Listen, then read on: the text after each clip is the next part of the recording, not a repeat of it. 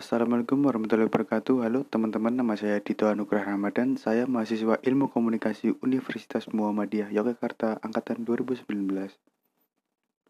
Pada episode kali ini saya akan membahas tentang teknologi penyiaran yang ada di Indonesia.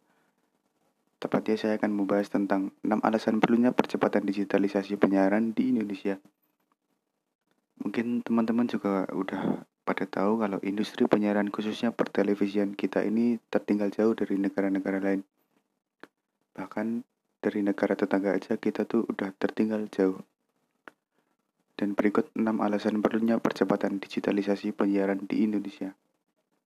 Yang pertama, dikutip dari teknologibisnis.com, Menteri Kominfo kita menyebutkan akan berkomitmen untuk mempercepat digitalisasi di sektor penyiaran di Indonesia khususnya digitalisasi televisi Indonesia di sistem terestrial. Buat teman-teman yang belum tahu, jadi sistem terestrial itu sistem penyiaran televisi yang tidak melibatkan transmisi satelit. Jadi biasanya menggunakan gelombang radio melalui pemancar atau antena televisi.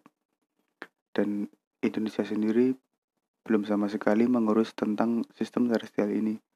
Sedangkan negara-negara Asia lainnya seperti Jepang, Korea Selatan, bahkan Negara tetangga seperti Thailand dan Vietnam pun sudah memulai penyelesaian sistem terestrial secara bertahap pada tahun ini. Yang kedua, percepatan digitalisasi penyiaran ini juga masuk dalam kebijakan nasional. Jadi Bapak Presiden kita, Bapak Joko Widodo ini sudah mencanangkan percepatan transformasi digital Indonesia karena kerangka tersebut juga merupakan agenda yang penting dan akan berdampak juga bagi negara. Yang ketiga, dilihat dari sisi publik, pengembangan digitalisasi ini memang perlu, di mana masyarakat sekarang ini dirugikan akibat kualitas tayangan yang tidak sesuai dengan perangkat teknologi saat ini, yaitu dengan adanya televisi pintar atau smart TV. Jadi meskipun sudah ada smart TV di Indonesia, tetapi kualitas dari siaran dari televisi di Indonesia kurang, maka jadi resolusi tinggi yang ditawarkan oleh Smart TV tidak akan terpakai.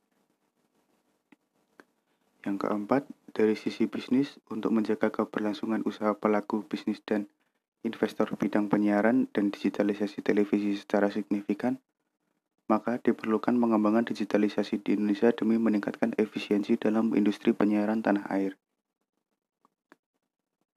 Yang kelima, ditinjau dari sisi nilai tambah dalam penataan frekuensi. Jadi digitalisasi frekuensi dapat ditata ulang dan dimanfaatkan untuk penyediaan layanan terutama untuk layanan publik dan layanan internet cepat. Yang keenam, jika Indonesia tidak segera menyelesaikan isu ini, maka ini akan berdampak bagi hubungan antar negara yang berpotensi memunculkan permasalahan dengan negara tetangga khususnya di wilayah perbatasan. Jadi itu teman-teman beberapa alasan agar digitalisasi penyiaran di Indonesia bisa dipercepat. Terima kasih sudah mendengarkan episode kali ini. Semoga dapat bermanfaat. Wassalamualaikum warahmatullahi wabarakatuh.